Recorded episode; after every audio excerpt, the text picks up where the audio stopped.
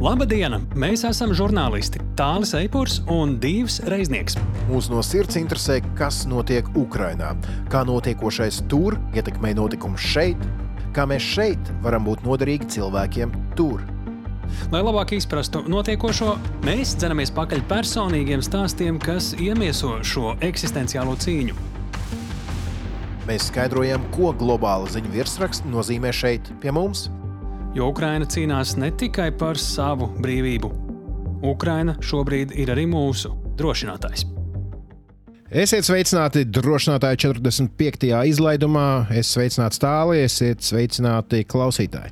Sveiks, divi, sveiki, klausītāji. Man prieks, ka klausītāji mūs klausās, sūta savus vērojumus par raidījumu, un es varu pateikt jau Liekas, ka par šo episodu, bet nē, nākamajā epizodē mums būs. Mēs varbūt pat pirmo reizi dzirdēsim klausītāju skanam mūsu epizodē. Bet uh, tagad gan par 45. epizodi un divu centrālais temats ir tavā ziņā šoreiz. Jā, sadzinu rokās cilvēku, kurš kara laikā nodarbojas ar ekoaktīvismu, ar atkritumu šķirošanu, ar atkritumu šķirošanas idejas popularizēšanu kā ikdienā, tā dažādos uzņēmumos ar viesmīlību saistītos. Šis man nedaudz atgādina epizodi par turismu Ukrajinā kara laikā kad mēs runājam par it kā ikdienišķām lietām, bet tas kara fons tam rada tik daudz jaunu jautājumu.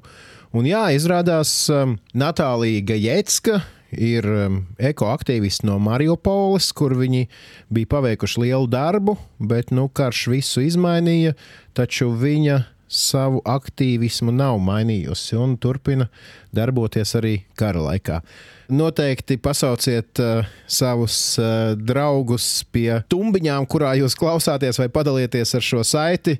Viņiem noteikti būs interesanti, ja jūsu draugi ir zaļi domājoši un atkritumu šķirojoši un visādi citādi dabai draudzīgi uh, domājoši cilvēki.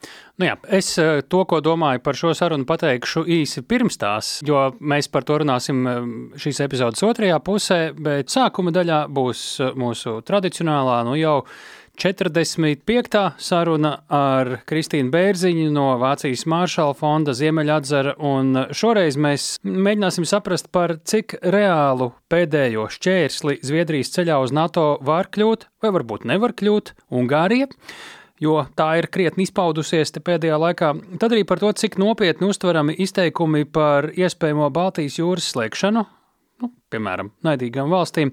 Bet sāksim mēs ar to, kāpēc ASV prezidenta Džo Baidena eh, pirms dažām dienām teiktā uzruna ir tik svarīga un joprojām nopietni analizējama ne tikai Ukrainas, ne tikai Izraels un Tuvo Austrumu, bet eh, arī Baltijas valstu drošībai. Jo tur Kristīnai, klausoties šo runu tieši attiecībā uz Baltijas valstīm, bija visai liels pārsteigums. Vārds eh, Tālim Eipuram un Kristīnai Bērziņai. Sveiki, Kristīne! Sveiki, sveiki! Diezgan spraigi tie notikumi mums apkārt un pasaulē. Šķiet, jau krietnas dienas pagājušas bet ļoti, ļoti svarīgu uzrunu, kuru citē šobrīd visos stūros, kas kaut kādā veidā ieliek vēl vienu stūrakmeni visam tam, kas šobrīd notiek apkārt, gan tuvajos austrumos, gan Ukrainā, gan tepat mūsu Baltijas reģionā, ir ASV prezidenta Džo Baidena runa, kurā izskanēja virkne svarīgu vēstījumu atgādinājumu. Šis tas jauns, ko varbūt gaidīja daudzi, eh, ņemot vērā to austrumu pavērsienus. Kas no tā mums šeit un Ukrainā būtu vērā ņemamākais? Runa bija ārkārtīgi nozīmīga. Šādu veidu ārpolitikas runu prezidents Baidens nebija līdz šim veicis, un daudzi bija Vašingtonā gaidījuši, ka, lai motivētu atbalstu no Amerikas tautas, no drusku ekstrēmākiem republikāņiem, Baidenam ir jāizskaidro, kāpēc tas ir svarīgi, kāpēc ir svarīgi atbalstīt Ukrainu. Un šāda runa jau bija plānota pirms Hamas uzbrukuma Izrēlā, un tāpēc, ja mēs skatāmies uz runu, runa pārsvarā ir par Ukrainu. Bija paredzēta par Ukrainu, lai tiešām sasparotu Amerikas tautu, atbalstīt Ukrainu un parādīt, kāpēc atbalsts ir nepieciešams, Un arī tas, cik lielā mērā pēc tam mēs arī uzzinājām, ka Amerika ir pieprasījusi 61,6 miljārdus Ukrainai. Tas, protams, ir lielāks cipars nekā tur iepriekšējos 3,8 miljardus un, un tam līdzīgos pieprasījumos. Un tā doma ir, ka šis varētu palīdzēt tagad izvilkt Ukrainu līdz nākamā gada rudenim. Ņemot vērā, cik grūti šobrīd ir kaut ko paveikt starp Baltonāmu un Kongresu, ko labāk prasīt vienreiz un daudz, nevis citādāk. Acīm redzot, prezidentam Baidenam Ukraina ir liela prioritāte, tas ir pirmais. Otrais ir skaidrs, sarkanās līnijas, no kā prezidents Baidens baidās, ko viņš negrib. Runa ir par bailēm par eskalāciju, ko tas nozīmē. Vai tās ir bailes no kodolieročiem? Man liekas, īstās bailes vai īstā rūpe tiek arī parādīta runā, jo uzsver to, ka Amerikas karavīri nav cīnījušies un necīnīsies, atkal arī uz priekšu tāds zemteksts. Ukrainā, ka Ukrainas vērtība ir tā, ka novājina Krieviju, neizmantojot ASV karavīrus. Un, jo es ilgāk sekoju šim līdzi un skatos, jo lielāka skaidrība man ir par to, ka lielākā sāpe būtu iesaistīt Amerikas karavīrus karā Ukrainā. Tas ir svarīgi un parāda to, ka Amerikas atbalsts ir finansiāls un mazāk tiešām un, un arī materiāls, tad tādā ziņā, kad tiek piegādāti ieroči, bet kurā brīdī Baidens sāk nobremzēt sevi, tas ir tajā brīdī, kad varētu būt risks iesaistīt Amerikas karavīrus. Un tad, protams, arī bija runa par NATO dalību un tam līdzīgi. NATO dalība nozīmē, ka varētu iesaistīt ASV karavīrus. Un, ja mēs skatāmies uz priekšu, kas varētu teikt nākamvasar, kad runas par Ukrainas tuvā laika NATO dalību, tad, ja saprot, ka lielākās bailes varētu būt par ASV karavīru dalību šajā karā pret Krieviju Ukrainā, nu tad man liekas, būtu drusku skeptiski jāskatās, kādas tās izredzes tomēr nākamvasar var būt. Vēl runā ir svarīgi tas, ka tiek sazīmēta, protams, Ukrainas kara situācija ar eh, Hamas uzbrukumiem. Izrēlā, ka šī gadījumā ir tādiem morāli jautājumi pret autoritārismu, pret uzbrucējiem, par cilvēkiem pašiem, ja, un tas ir tas morālais uzaicinājums Amerikas tautai atbalstīt citus pasaulē, kuriem iet slikti, tas man liekas arī ir svarīgi un īpaši tādiem Amerikas vidienējiem republikāņiem, tas varētu arī būt ļoti efektīvi. Un uh, vēl bija pārsteigums runā. Pārsteigums bija tāds, ka pieminēja Poliju un Baltijas valstis ar to domu, ka šīs valstis varētu būt nākamās, ja gadījumā Ukrainai neizdodas uzvarēt. Un tas ir tāds liels pārsteigums, varbūt liek daudziem noraustīties, Bet tāpēc jau arī drošinātāji saucās par drošinātāju, vai tā nav tāli, ka mums ir tā doma, ka kā notiks Ukrainā, var noteikt to, kā tālāk visā Eiropā un kuras ir tās pierobežas vietas, kur varētu būt grūtāk, tad tas ir mūsu reģions un Polija. Ir svarīgi saprast to, ka acīm redzot Baltijā namā, acīm redzot prezidents Baidens redz to saikni starp Ukrainas drošību un Baltijas drošību, un ka ir jābūt veiksmīgiem abās vietās. Un tas ir tā kā vai mums pievērš uzmanību, vai Baltijas reģions tiek novērtēts, vai, vai ir bažas par nākotni, bet tādā arī pozitīvā ziņā, vai rūpes par to, vai ir aizrādījums Krievijai par to, ka nevar apdraudēt Baltiju. Man liekas, tā to arī var skatīties. Ja, ka, protams, ka šādā veidā varbūt prezidents Braidens parāda Kremlim, ka Baltijas valsts un Polija, NATO dalību valstis, bija ļoti uzsvērts tieši tās, ka šīs ir NATO dalību valstis, ka Baltais nams redz šos draudus un brīdina Kremli, ka Kremlis ir apdraudējis Baltijas valstis un Poliju. Tas mums arī ir ļoti nozīmīgi. Parāda to, ka prezidentam Baidenam NATO dalība un NATO sabiedrotās valstis ir svarīgas un ļoti svarīgas īpaši Ukraiņas kontekstā. Ja reiz par NATO un reģionu drošību mēs turpinām, tad ir pavērsiens arī attiecībā uz Zviedrijas dalību NATO, jo Turcijā prezidents Erdogans ir nodevis parlamentam dokumentu, kur tas varētu ratificēt no Turcijas puses eh, Zviedrijas ceļu uz NATO. Savukārt tāds eh, klupšanas akmens tad pēdējais potenciāli varētu būt Ungārija, kur turpina taisīt visādus startautiskus figūrus ar tikšanām ar Putinu, Orbāna personā un ar bloķēšanu Eiropas Savienības palīdzības Ukrainai, un tie nav vienīgie nedarbi no Ungārijas. Ko mēs varam sagaidīt, ja paliekam pie šī Zviedrijas NATO stāsta, kurā posmā mēs šim ceļam esam un kādu vai barjeras, vai ceļa stabu, vai citu lomu klupšanas akmeņu tur šobrīd spēlē Ungārija. Ungārija netaisījās iepriekš būt pēdējā valsts, kura bloķētu Zviedrijas dalību. Ungārija cenšas iegūt sev visu iespējamo. Šobrīd Orbāna valdība, Ungārijas parlaments paliek pēdējais, kas nav izskatījis Zviedrijas dalības jautājumu. Un jautājums ir, ko tad Ungārija vēlās? Tāpēc, ka pēc manām domām šis nebūs jautājums par principu, vai atļaut dalību vai nē, bet drīzāk paņemt piemēru no Turcijas un censties izspiest kaut ko sev. Man nav zināms, kas ir tas, ko Ungārija šajā brīdī vēlētos. Tā kā Turcija ir radījusi Orbāns arī nu, tik lielu problēmu, es arī īsti negaidu, bet drīzāk kādu īslaicīgu sarežģījumu, pēc kura Ungārija varēs iegūt kaut ko sariecerēto, to varbūt varētu sagaidīt. Un, ja Turcija tā var, tad kādēļ citas valstis tā nevarētu? Bet es teiktu, ilgtermiņā, strateģiskā līmenī es nedomāju, ka Ungārija tik ilgi vai pamatīgi nobloķētu Zviedriju, ka tas kaut kā ietekmētu NATO drošību vai kaut ko būtisku. Drīzāk šī ir tāda mazāka politiskā spēlīte. Mums tepat starp Latviju un Zviedriju ir Baltijas jūra, un par to ir pamatīga ēna mesta tādēļ, ka tur sākuši trūkt gāzes un sakaru kabeļi apmēram vienā laikā.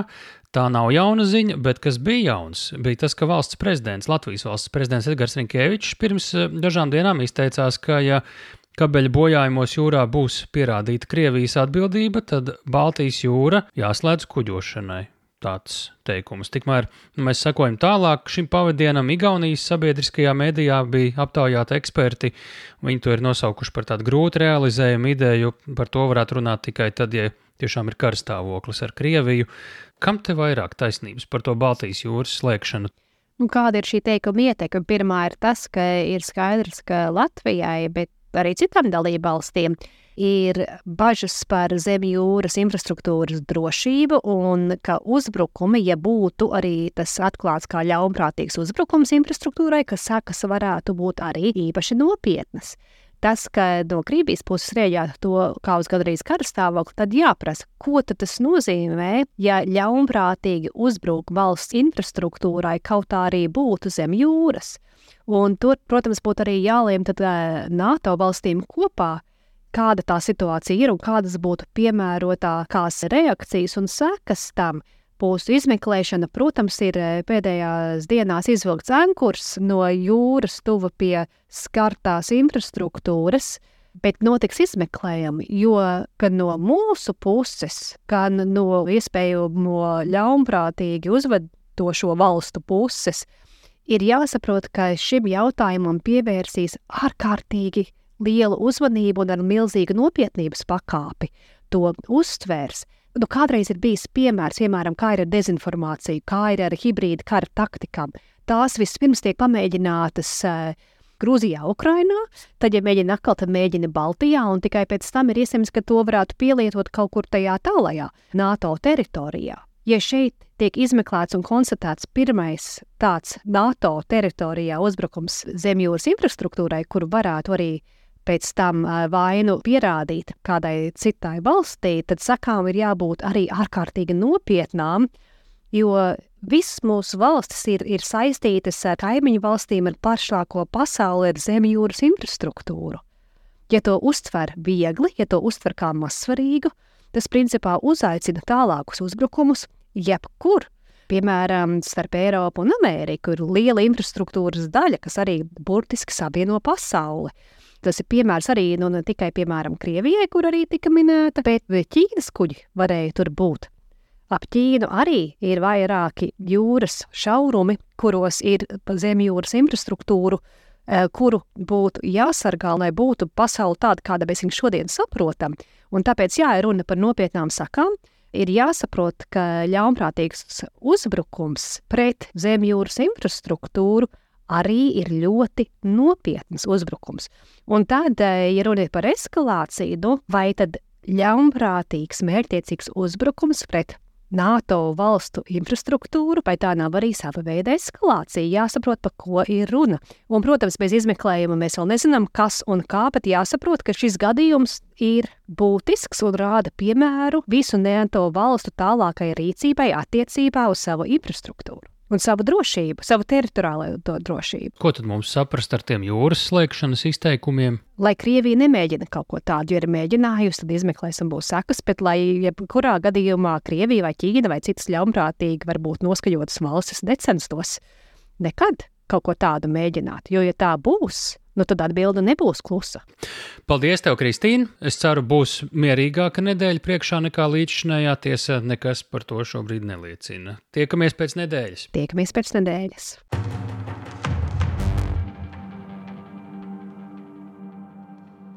Paldies, Tāli! Paldies, Kristīnai! Interesanti dzirdēt tās lietas, kas varbūt ir palaistas gar ausīm, un, un Kristīna uzliek pareizos uzsvarus. Jā, es savukārt tāli gribēju arī par kādu ziņu nedaudz, nedaudz parunāt vairāk. Ziņa, kas sākumā liekas šokējoša, sensacionāla un tādēļ jau vairāk uzmanību piesaistoša. Labi, ka tu pasaki, ka sākumā tikai liekas. Ja? Tas jau drusku nomierina. Jā, jā, jā, tas ir svarīgi. Nu, jā, es tā regulāri eju cauri visādām ziņām, kas saistītas ar Ukrajinu. Un, 9. oktobrī um, skatos ziņa, Ukraiņas muitas dienests paziņo, ka viņi ir konstatējuši. Šī gada 2023. gada pirmajos deviņos mēnešos apmēram trešā daļa humanitārās palīdzības, kas tikusi sūtīta Ukraiņas bruņotajiem spēkiem, nav sasniegusi adresātu. Tātad muitai cauri izgājusi, bet līdz armijas daļām nav aizgājusi. Tātad kopumā muitnieki esat izmeklējuši un pārbaudījuši 9000 sūtījumus, 200 dažādām armijas daļām. Un izrādījās, ka vairāk nekā 3000 sūtījumu nu, nav nonākuši līdz konkrētajām vienībām. Un, un zini, tad man uzreiz ir galvā tā doma, tā, kāpēc par to neviens nerunā. Tā. Iespējams, ka negrib sabojāt Ukraiņas tēlu, lai cilvēkus neaturētu no palīdzēšanas. Loģiski, kā. Šādu ziņu jau nu tā kā sabojā tēlu. Redz, nē, es domāju, kāpēc pie mums par to daudz nezinu. Ah, labi, jā. Un, nu, redz, bet es jau pašā kara sākumā teicu, un nu, tā mana pieredze žurnālistiskā un šādos konfliktos liek vienmēr atcerēties, ka jo šokējošāka ziņa, jo uzmanīgāk par to ir jāizturas. Tad šī ir tā vieta, kur tādās dzeltenās preses izdevumos būtu uh, sociālajos tīklos virsraksts, šokējošs virsraksts, Tālāk uzzināsiet, kā ir patiesībā. Klikšķiniet tālāk. Es tagad uzklikšķinu un klausos, ko tu saki. Jā, un ar to arī ziņas pirmās beidzās. Pagāja pāris dienas, un tikai pēc tam izrādījās, ka ir notikusi kaut kāda kļūda komunikācijā. Proti, runa ir nevis par to, ka reāls palīdzības kravas nav aizgājušas līdz adresātiem, proti, Ukraiņas armijas dažādām konkrētām daļām, bet gan runa ir par krāpniekiem, kuri mēģina dabūt iekšā Ukrainā preces, apzīmējot tās kā humanitāro palīdzību Ukraiņas armijai.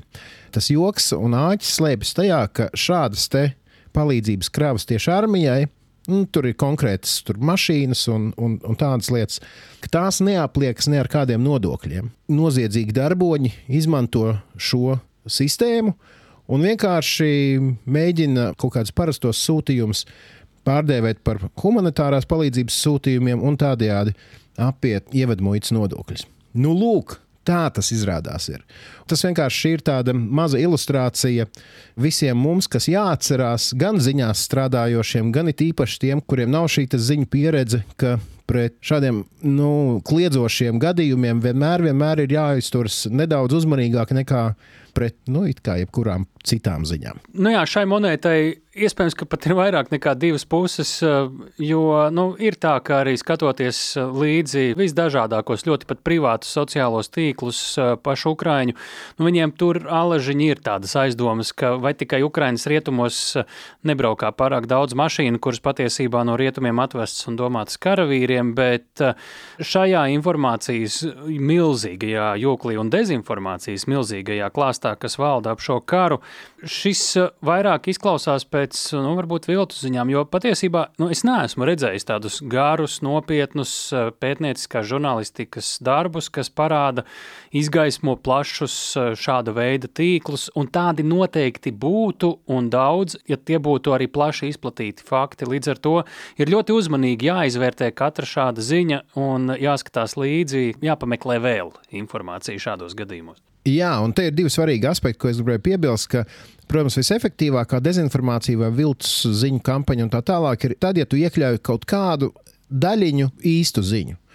Nu, proti, mēs varam atrast ziņu arhīvos stāstus par to, kā ir apcietināti dažādi cilvēki, kur ir piesavinājušies humanitāro palīdzību. Jā, tās rietumu mašīnas, rietumu Ukrainā arī gan jau, ka ir iespējams atrast. Tā ir viena lieta, bet runa nav par masveidīgiem apjomiem. Otra lieta ir interesants aspekts tāds, ka tad, kad valsts, nu, pieņemsim šajā gadījumā Ukraina, cenšas tiešām sākt cīnīties ar korupciju valstī, tad ziņas par to, ka Ukrainā ir korupcija, būs krietni vairāk nekā situācijā, ja Ukraina vispār pievērtu acis korupcijai vai šādai palīdzības izzakšanai, jo tad vienkārši neviens par to nerunā. Tajā brīdī, kad Zelenskis paziņo, piemēram, ka korupcija tā ir valsts nodevība un mēs ar to tagad cīnīsimies, tad, protams, ka visi daudz vairāk runā un tev rodas nevilšs iespējas, ka Ukrainā ir krietni pēkšņi vairāk korupcijas. Nu, patiesībā Vienkārši cilvēki ir apņēmības pilni ar to cīnīties, un tāpēc par to runā.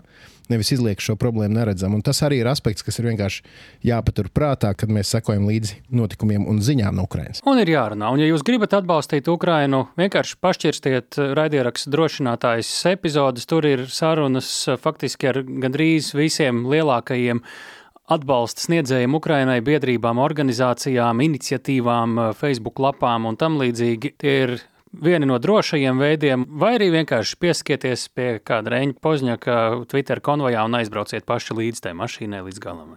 Tieši tā, galu galā pagājušā nedēļā tu pats tālu runāji ar uzņēmēju mieram vadītāju, un katru reizi, kad mēs runājam ar šiem cilvēkiem, kas Latvijā ir eh, kā starpnieki vai organizatori dažādām palīdzības misijām un sūtījumiem, vienmēr jau mēs uzdodam šo jautājumu par to, cik viņi paši droši jūtas, par to, vai tā palīdzība aiziet vai neaiziet līdz Ar, paredzētajiem mērķim.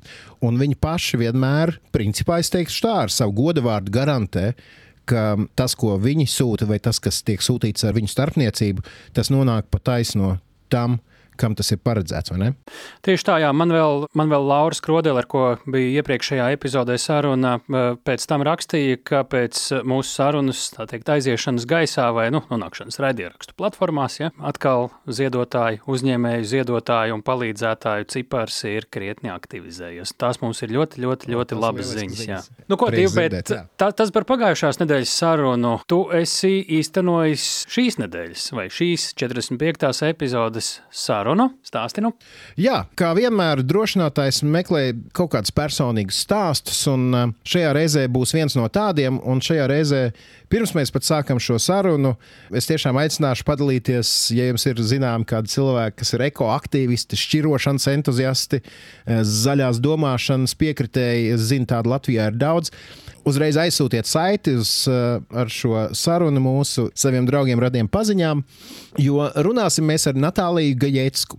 Viņa ir ekoaktīviste, viņa ir viens no tiem cilvēkiem, pateicoties kuriem, piemēram, Mariupolē, Mariupole kas šobrīd ir iznīcināta un ir Krievijas okupācijā, uzzināja, kas ir atkritumu šķirošana. Līdz tam neko tādu viņi nebija pazinuši.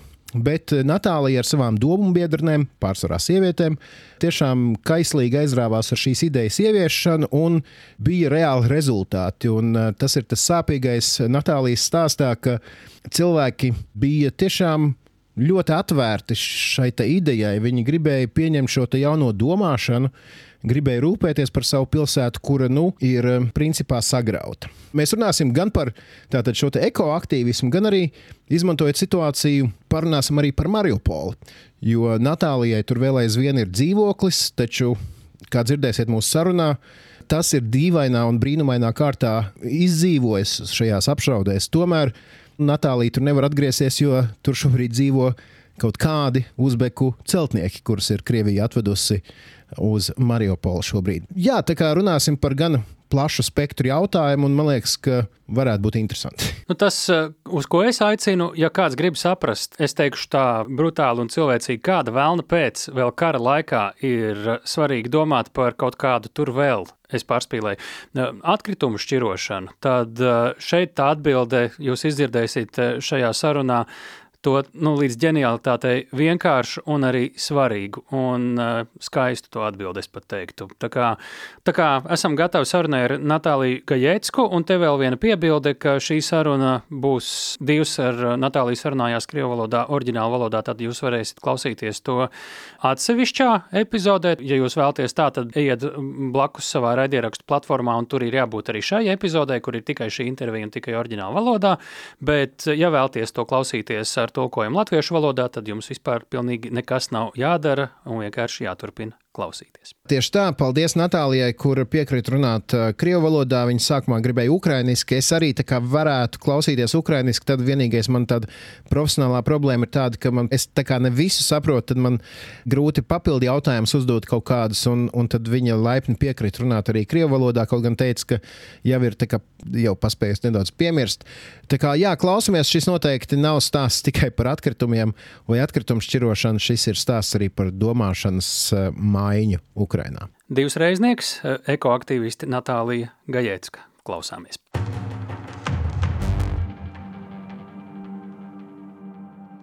Добрый день, Наталья. Labdien, Natālija! Uh, Добрый день! Labdien! Если я открываю вашу страницу в Фейсбуке, atverot jūsu Facebook lapu, pirmais, ko redz aprakstā, ir ekoaktīviste. Ko nozīmē būt ekoaktīvistei kara laikā? Для меня экоактивизм, в принципе, начался во время войны. Man ekoaktīvisms sākās kara laikā, jo, kā jūs zināt, karš Ukrainā sākās 2014. gadā. Un tas man ietekmēja pavisam tieši, jo tajā laikā mana meita dzīvoja Doņetskā. Es dzīvoju Avģīvkā, Doņetskas apgabalā, un mani vecāki bija Mariupolē. Tā kā mums tas viss nebija kaut kas tāls, kaut kur uz frontes līnijas, tas viss notika mūsu pilsētās un tieši ar mums. Mans ekoaktīvisms sākās Mariupolē. Ja runājam tieši par aktīvu līdzdalību, tas bija 2019. gadā un turpinās arī šodien. И продолжается по сегодня. Вы там жили в то время, да? Jūs tur uh, tobrīd dzīvojāt? Да, Я уже тогда была переселенкой. Jā, es tobrīd jau biju spiesta pamest Avģīvku, nodzīvoju divus gadus vienā citā pilsētā, un tad nolēmām pārcelties uz Mariupoli, jo tur dzīvoja mani vecāki, kur ir cienījamā vecumā. Viņi ir jāpieskata, un tur man bija arī vieta, kur palikt. Es tur ierados, zinot, ka rajonu, kur dzīvo mani vecāki, 2019. gadā apšaudīja ar grādu raķetēm. Cieta arī mūsu dzīvoklis, kuru pēc tam vajadzēja remontēt, tā skaitā jāieliek jauni logi. Frontes līnija bija turpat blakus - Širokine, Novazovska. Tās ir vietas, kur mūsu kareivi bija nostiprinājuši aizsardzības līniju. Bet mēs kaut kā pieradām tā dzīvot. Gandrīz katru dienu tālumā varēja ko dzirdēt. Свыклись с этим. Ну, как свыклись? Мы почти каждый день отдаленно что-то слышали. Отдаленно. Для тех гостей, что приезжали, это был немного шок. Ja atbrauca ciemiņi no citiem mierīgākiem reģioniem, viņi bija šokā, bet mēs jau to uztvērām kā ikdienu. Nevar teikt, ka bijām galīgi pieraduši, kaut kāda piesardzība, protams, saglabājas, Tomēr cilvēks vienmēr pielāgojas, un arī mēs pielāgojāmies. Pusmiljons iedzīvotāji nevar tā vienkārši kaut kur aizbraukt. Un tā nu sanāca, ka 2019. gadā pilsēta piedzīvoja gluži vai ekoloģiskās domāšanas bumu. Acīm redzot, pēc tā bija nobriedis pieprasījums. Видимо, накопилась потребность в этом. И к нам приехали с тренингом э, друзья, наши коллеги, более уже продвинутые. Lai apmācītu, pie mums brauca pieredzējušāki kolēģi. Piemēram, no Harkivas organizācijas, ar ko bijām sadarbojušies iepriekš. Tā bija kā stafetes kociņa nodošana. Pieredzējušie to nodot tālāk tiem, kuri ir nobrieduši un gatavi sākt darboties, tikai nezina, ar ko sākt. Arī tagad es saskaros ar to, ka daudzi cilvēki, daudz jaunieši ļoti grib nodarboties ar ekoaktīvismu, bet vienkārši nezina, ar ko sākt. И вот это был как толчок. 2019 год собралась наша инициативная группа «Мариуполь сортуем». Мы сначала назвались. Tātad mums grūdienis bija 2019. gads, kad kopā pirmo reizi sanāca iniciatīvas grupa, kuru sākotnēji nosaucām Mariupoli šķiro. Vēlāk, kad sapratām, ka kļūstam profesionālāki un principiālāki, nomainījām nosaukumu uz Mariupoli Zero Waste, jeb šo Mariupoli nulle atkritumu. Mēs šajā lauciņā nonācām tāpēc, ka mūs satrauc šie jautājumi. Mūs satrauca ne jau konkrēti šajā gadā, bet principā tie svarīgie bijuši visu mūžu. Tā nu kopā bija savākušies aktīvi vietējie iedzīvotāji, un kā reiz tobrīd pilsētā izveidojās vēl viena organizācija, kuras fokus bija darbs ar atkritumu pārstrādātājiem. Tādēļ nolēmām šo tēmu Mariupolē popularizēt kopā. Tobrīd karš jau notika, taču, lai kādos apstākļos dzīvotu, gribējām cīnīties par zaļu un tīru pilsētu. Kad ar milzu joni pār mums pārvēlās jau pilna mēroga karš, To negaidījām, lai arī labi sapratām Krievijas pozīciju. Brīnišķīgi apzinājāmies, kam blakus dzīvojam, negaidījām, ka tas notiks tik nekaunīgi un ignorējot jebkādus cilvēcības likumus. Mūs faktiski sāka laucīt nost no zemes virsmas. To mēs patiešām negaidījām. Tādēļ arī savā pilsētā dzīvojām līdz pašam pēdējiem mirklim. И когда началась война, мы вынуждены были эвакуироваться. Не то, что вынуждены были, мы просто чудом выехали, потому что... Kad sākās lielais karš, mums nācās evakuēties. Pat nenācās, tas bija brīnums, ka varējām izbraukt, jo sākumā mēs nonācām pilnīgā aplenkumā, bez informācijas, bez gaismas, bez ūdens. Palikām pilnīgi bez nekā. Kad izbraucām, tikai tad uzzinājām, kur kura kolēģe nonākusi un atradusi glābiņu. Tad atkal sākām sanākt kopā, taču nu jau tas notika tiešsaistes režīmā, nolēmām virzīties tālāk. Мы решили двигаться дальше.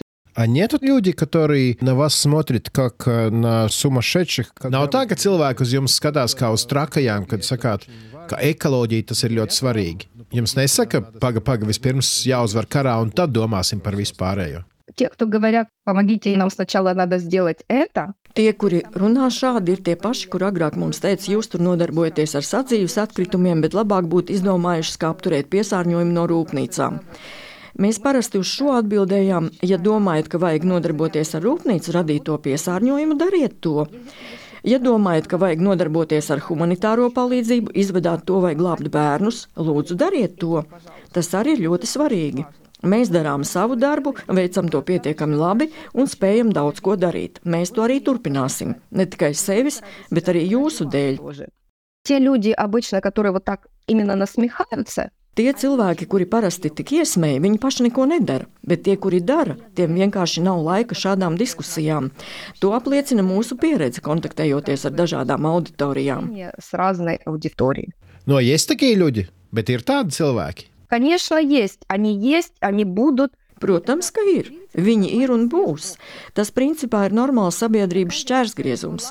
Šāda reakcija vienmēr ir bijusi un vienmēr būs neatkarīgi no tā, ir karš vai nav.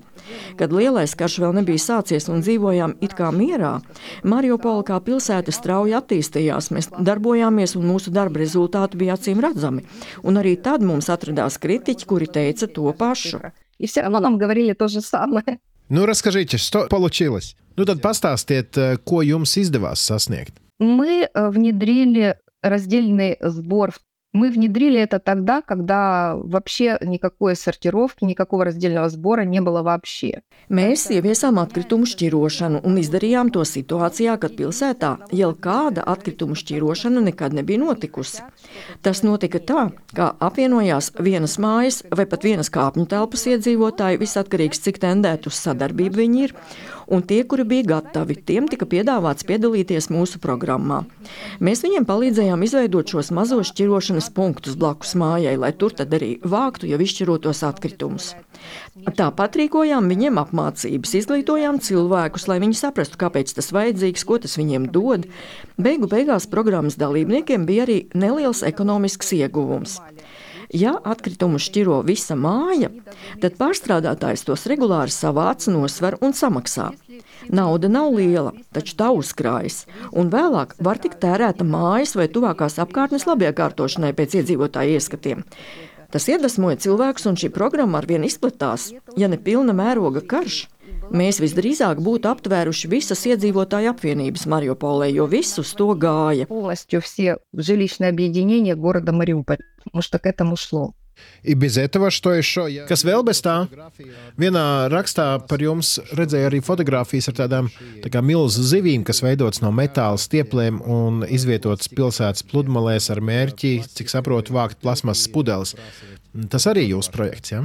Да, рыба это наши, У нас город расположен на побережье Азовского моря, которое мы очень любим. Jā, zivis ir mūsu. Mariupole atrodas Azovas jūras krastā, kuru mēs ļoti mīlam, un piekrastē ir visa nepieciešamā infrastruktūra, taču dalītas atkritumu tvērtnes nebija. Izpratne, ka tādām vajadzētu būt, arī nebija. Tādēļ nolēmām izveidot spilgtu projektu, radot augstas kvalitātes metāla režģa skulptūras un uzstādot tās visās pilsētas pludmalēs. Blakus tām tika novietoti stendi, uz kuriem bija paskaidrojošā informācija, ko tur drīkst likt iekšā. Un interesanti, ka šādā veidā, kad tvērtne ir nevis slēgta tipa, bet caurskatāma, cilvēki tur nemeta visu pēc kārtas. Sākumā bijām uztraukušies, ka cilvēki zivīs metīs kukurūzu, ko mūsējiem ļoti patīk ēst pludmalē, bet tā nenotika, un mēs par to bijām laimīgi. Но этого не произошло, мы очень рады. Это значит, что люди этого ожидали, что им так, это было интересно. Дети с удовольствием кидали. Tas nozīmē, ka cilvēki ko tādu gaidīja, ka viņiem tas ir interesanti. Bērni labprāt tur meta pētpudeles, pat vecmāmiņas nāca un kārtīgi pudeles tur nolika. Visas mūsu zivis pildījās ar pudelēm, bet attiecīgais dienas tās savāca un veda pārstrādē. Šis projekts bija izdevīgs gan pārstrādātājiem, jo tā viņi tika pie ne ar ko nesajauktām plasmasas pudelēm, gan no izziņas viedokļa. Tā tad bija gan praktisks labums, gan arī izglītojošs efekts. Mūsu zīvis bija uztaisītas tik kvalitatīvi, ka, cik zinu, tās vēl aizvien stāv okupētajā pilsētā un neskatoties uz kara darbību nav bojātas. И даже не повредились, несмотря на боевые действия. Э, Еще у нас очень много экопросвета было для школьников. Mums bija arī daudz izglītojoši projekti. Tā 21. gadā, pirms sākās pilna mēroga iebrukums ar savām izklaidējoši izglītojošām programmām, bijām aptvēruši ļoti lielu skaitu skolu un plānojām izplest šīs programmas vēl plašāk. Bez tam mēs darbojāmies arī viesmīlības sfērā, kurai palīdzējām sākt ieviest atkritumu šķirošanu un garantētu izvešanu uz pārstrādi. И потом пришло э, 24 февраля, un tad nāca 24. februāris, un viss tika nogriezts kā ar nazi. Мы прекрасно понимали, чего стоит Россия, прекрасно понимали, что если она придет, to nebūt ничего хорошего. Mēs labi apzinājāmies, ko nozīmē Krievija, un ka, ja tā atnāks, nekas labs nav gaidāms. Tomēr mēs runājam par pusmiljonu pilsētu. Mēs jutāmies kā daļa no sabiedrības mugurkaula. Nevarējām vienkārši visu pamest un doties meklēt laimi kādā mierīgākā vietā. Mums gribējās attīstīt Mariupoli. Mēs tik ļoti ticam mūsu taisnībai, mūsu bruņotajiem spēkiem un valstī, ka nešaubāmies, Mariupoli tiks deokupēta. Dzīvojam ar šādu ticību. Kā būs tālāk, protams, nevar pateikt, jo vairumam no mums mājas ir iznīcinātas, tajās, kas izdzīvojušas, ievākušies svešinieki, okupanti un tie, kas ar viņiem sadarbojas Э, оккупанты и те, кто с ними сотрудничает. Все, что связано с Мариуполем, это очень больно. Viss, kas saistās ar Mariupolu, man ir ļoti sāpīga tēma.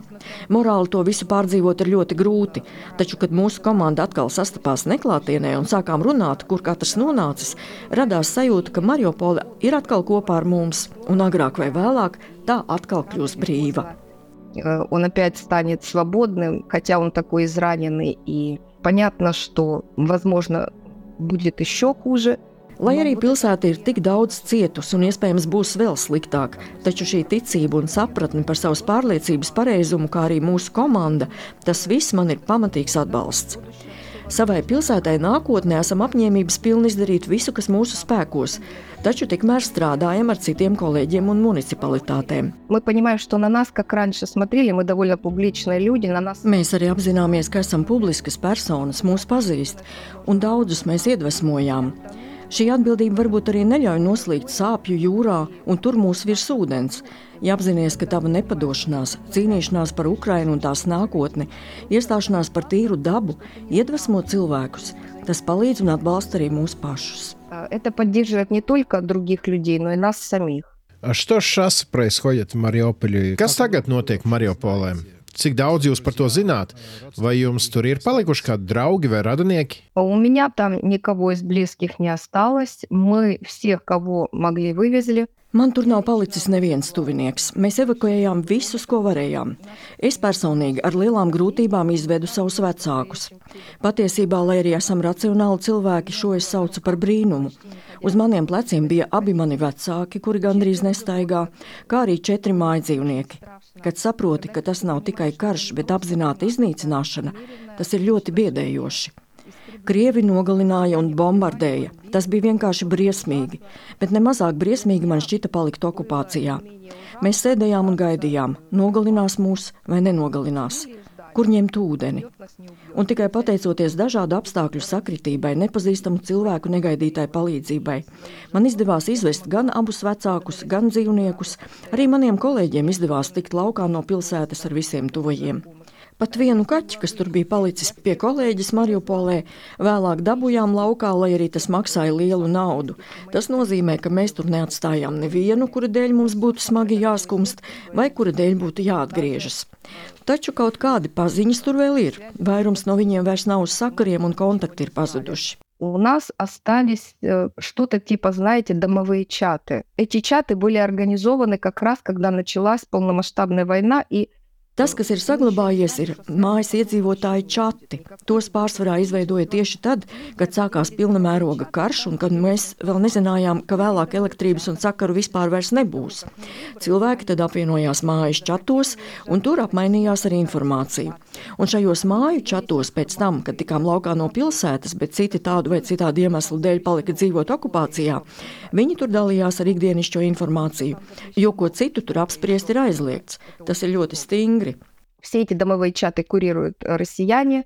Это просто было очень незаметно, потому что Ja sama filolog. Nu jau visu šos čatus kūrēja Krievijas pārstāvji. Tas bija labi pamanāms. Esmu filologs. Es zinu, kā runā un raksta vietējie, un kad čatos parādījās cilvēki, kas acīm redzami bija no Krievijas, kļuva skaidrs, ka jābūt ļoti uzmanīgiem.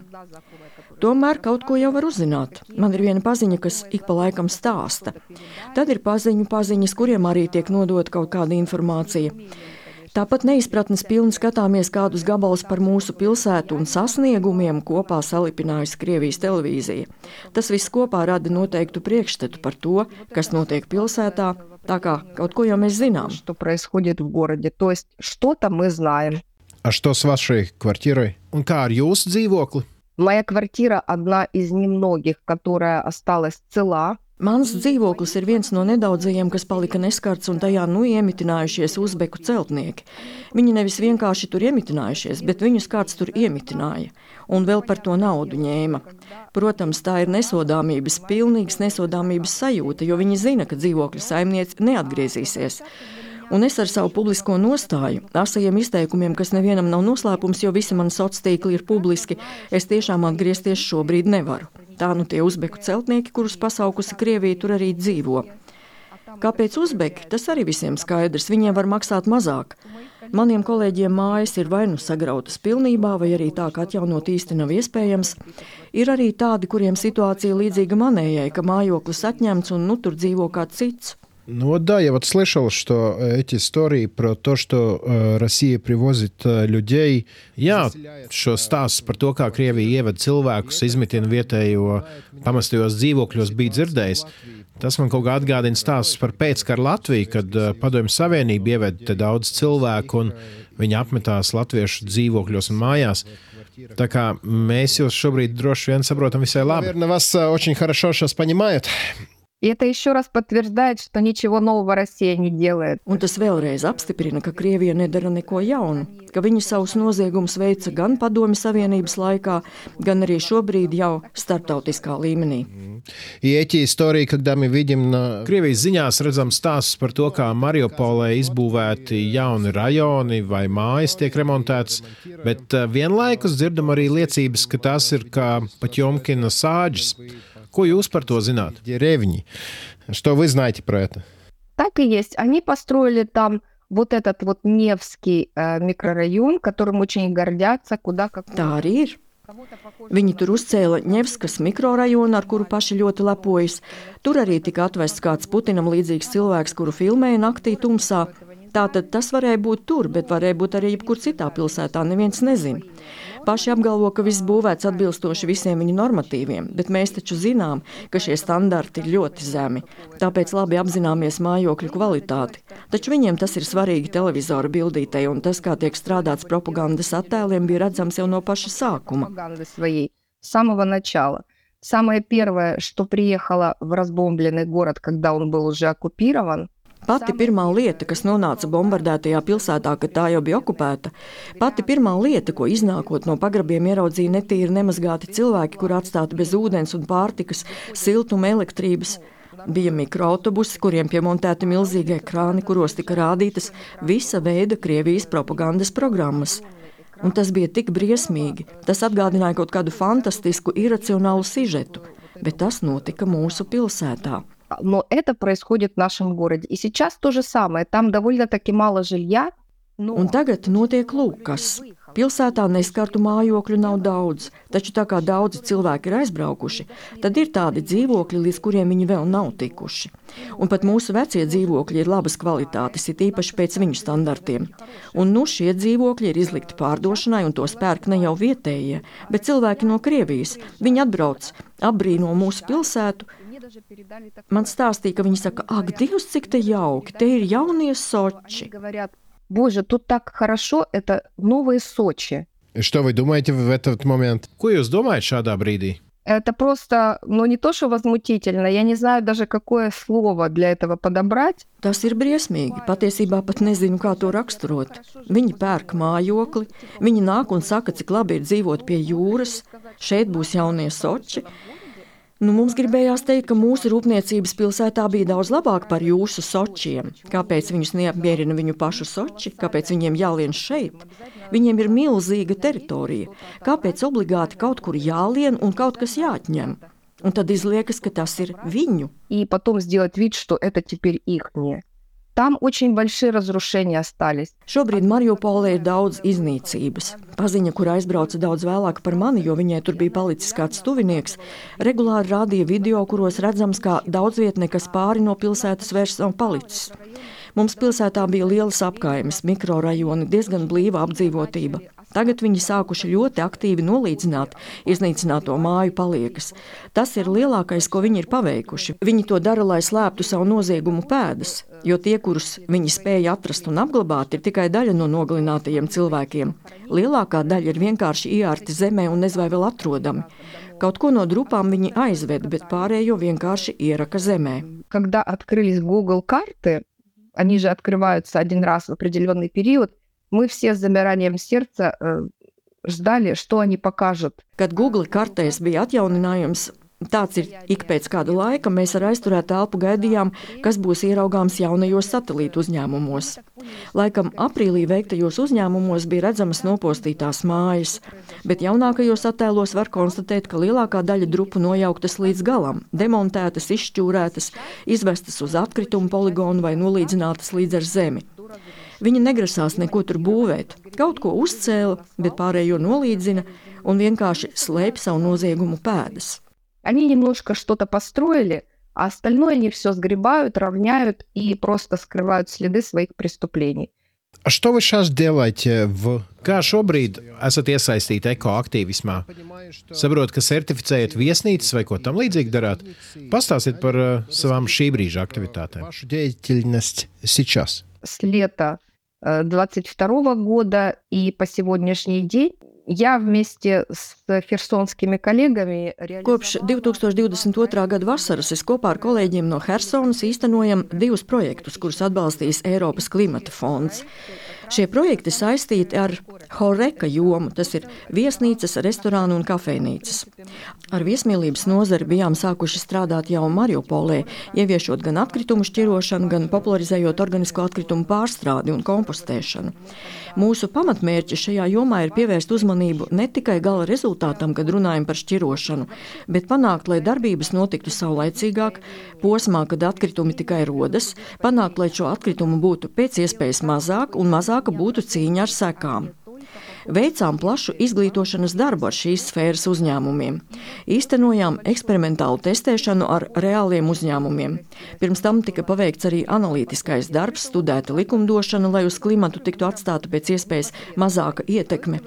Šajā gadā Realizējam vēl vienu ļoti plašu projektu, veicām 40 uzņēmumu darbinieku apmācību no visiem valsts reģioniem, kuri tika izraudzīti konkursu kārtībā.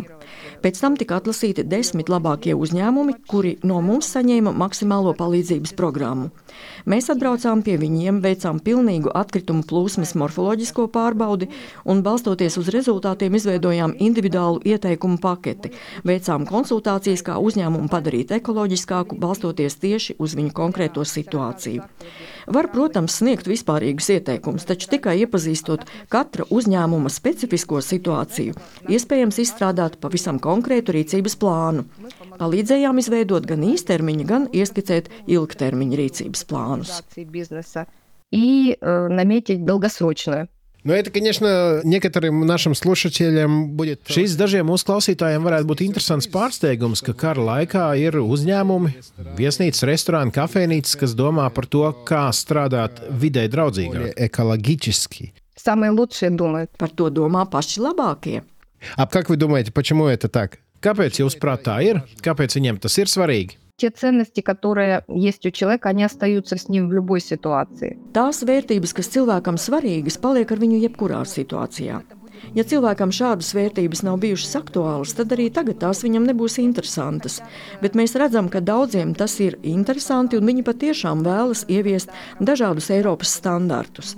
Starp citu, kad mēs strādājām ar uzņēmumiem, nonācām pie secinājuma, ka daudzas rūpnīcas jau ir sākušas kaut ko ieviest, pat neapzinoties, ka tas pozitīvi ietekmē atkritumu apsaimniekošanu un pat samazina viņu ietekmi uz klimatu.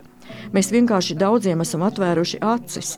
Mūsu sadarbības partneri tā arī turpina strādāt, un klientu lokus tikai paplašinās.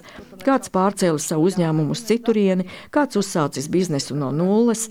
Piemēram, šobrīd strādājam ar uzņēmumu, ko izveidojušas sievietes, kuras pameta Berģānsku.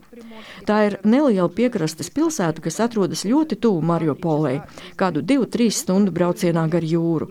Mēs ar ģimeni savulaik uz turieni bieži braucām. Šobrīd šī pilsēta ir dziļi okupētajā teritorijā. Šīs sievietes no turienes aizbrauca un Ļuvībā atvēra nelielu kafejnīcu. Viņas entuziasma pilnas pieteicās mūsu programmā. Tā viņām nav papildus nasta, bet gan kustība uz priekšu, kaut kāds progress, gluži vai svaigs, malks gaiss У нас у очень многих есть понимание, что несмотря ни на что мы хотим не просто выживать, они хотят лучшего. Daudzi dzīvo ar pārliecību, ka svarīgi ir ne tikai izdzīvot, bet arī pilnveidoties un kļūt labākiem. Piemēram, Harkiva. Tā ir pilsēta, kuru apšauda. Gaisa trauksmes dzirdamas ļoti bieži, tāpat raķetes tur sprākst pilsētas centrā. Taču par spīti tam Harkiva tiek uzkopta, tur stāda ziedu apstādījumus, cilvēki apmeklē kafejnīcas, un dzīve turpinās. Ukraiņi ir apņēmības pilni turpināt dzīvi un padarīt to labāku.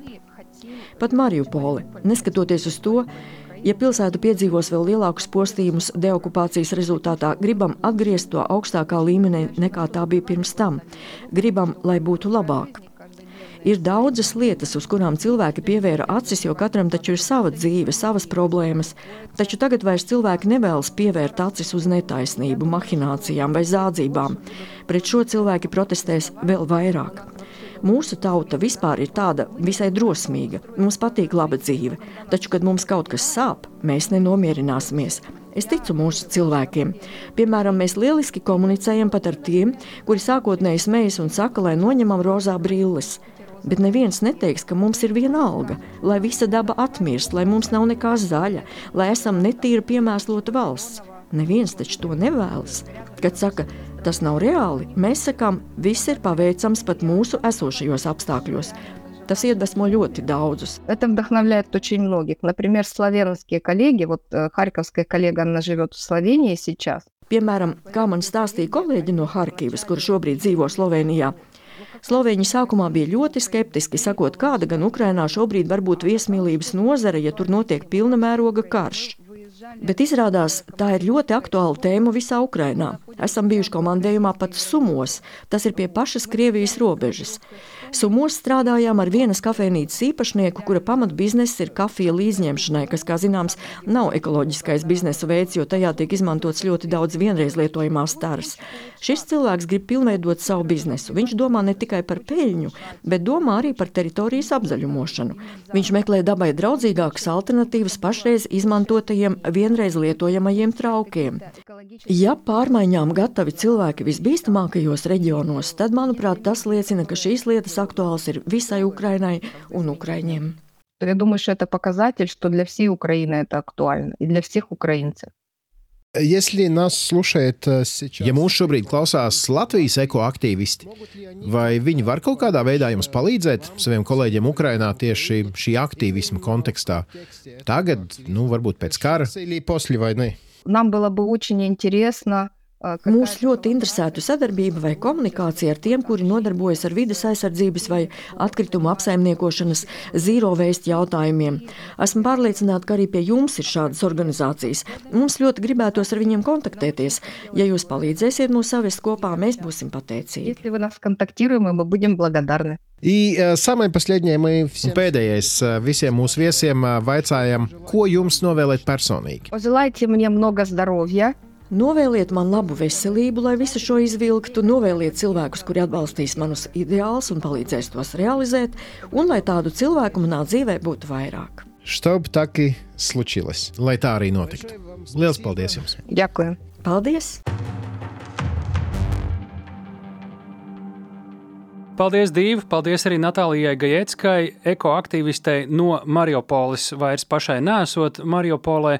Ļoti svarīga saruna par to, kā Ukraiņi cenšas dzīvot tālāk un ar visiem spēkiem grib pierādīt, ka viņiem dzīve turpinās un viņi negrasās savu dzīvošanu Ukrainā, savu pēc iespējas labāku dzīvošanu Ukrainā kaut kur mest malā, un arī šī ir cīņa par vērtībām. Tieši tā, un es savukārt gribētu uzrunāt šobrīd eh, cilvēkus Latvijā.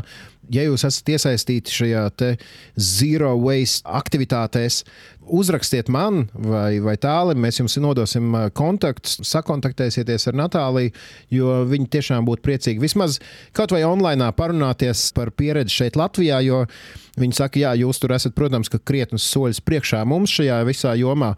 Tas jums neko nemaksā, bet uh, iespējams, ka jūs Natālijai šādi palīdzēsiet kaut vai ar šādu kaut vai atbalstu virtuālajā vidē. Tā kā, jā, rakstiet mums, eh, vai nu uzmeklējiet mūs ar tāli sociālajos tīklos, vai arī rakstiet uz e-pasta adresi drošinātājs Latvijas Rādio LV. Eh, Dalieties ar eh, šo podkāstu, ja jums eh, tas šķiet interesants. Tāpat arī LSMLV Tuvākajā laikā varēsiet lasīt interviju ar Natāliju, šo pašu interviju tikai rakstiskā veidā, un, protams, ka pievienosim, kā vienmēr, arī vizuālos materiālus, lai varētu redzēt gan kā Natālija izskatās, gan kas ir tas, ko viņa dara. Arī tās zivis, kuras Mariupoles pludmalē ir izliktas un vēl aizvien stāv, tās arī parādīšu, kā tas izskatās. Jā, ja drošinātājiem būtu kāds nozīmīts vai kaut kas tāds mums nav, tad eh, viena tāda nozīmīta noteikti pienāktos mūsu klausītājiem Dāvim, kurš mums eh, ierosināja nākamās epizodes tematu.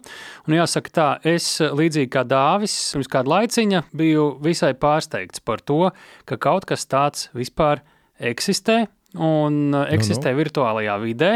Nu, Es nezinu, vai šobrīd drīkstu atklāt, bet runa ir par cilvēku, kurš ir no Latvijas, kur neviens nezina, ka viņš ir no Latvijas, un ka viņš ir iemantojis ļoti lielu popularitāti internetā saistībā ar karu Ukrainā un ļoti, ļoti labā nozīmē.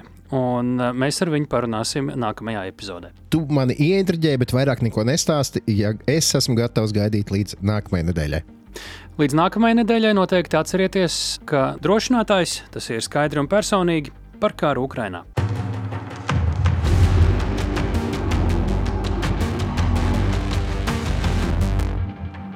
Raidieraksts drošinātājs.